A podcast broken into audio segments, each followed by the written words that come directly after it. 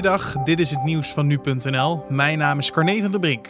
Bij het RIVM zijn in de afgelopen week bijna 13.500 positieve coronatests geregistreerd.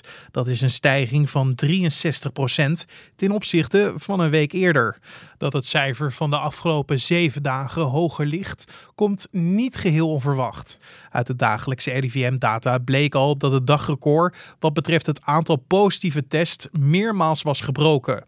Daarnaast zijn 33 mensen gestorven aan het coronavirus, wat meer dan een week eerder is. En verder zijn er 152 ziekenhuisopnames bijgekomen.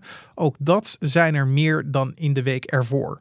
Volgens directeur infectieziektebestrijding van het RIVM, Jaap van Dissel, bevindt Nederland zich op een kantelpunt in de virusbestrijding. Vandaag tijdens de technische briefing in de Tweede Kamer herhaalde hij de waarschuwing dat Nederland aan het begin van de gevreesde tweede golf staat.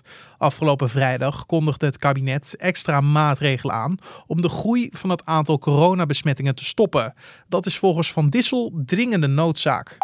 Minister van Financiën Wopke Hoekstra waarschuwt dat er de komende tijd nog meer berichten zullen verschijnen over witwaspraktijken. Trouw, het Financieel Dagblad en onderzoekscollectief Investico berichten daar maandag uitgebreid over. Na internationaal onderzoek rond documenten van de Amerikaanse anti-witwasautoriteit FinCEN en geheime bankdocumenten.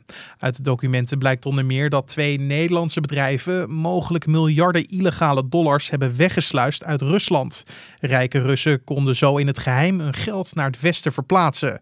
Een dochteronderneming van ING in Polen speelde daarbij een belangrijke rol. De rechtbank van Drenthe heeft de 40-jarige Paul Den B. veroordeeld tot 7 jaar cel. Dit voor doodslag op zijn driejarige zoontje. De jongen werd vorig jaar in december in het Noord-Willemskanaal gevonden en overleed twee weken later. De rechter meent dat Den B. te weinig deed om zijn zoontje te redden uit het water. Ook moet de man zijn ex-partner een schadevergoeding van ruim 21.000 euro betalen. En tot zover de nieuwsupdate van nu.nl.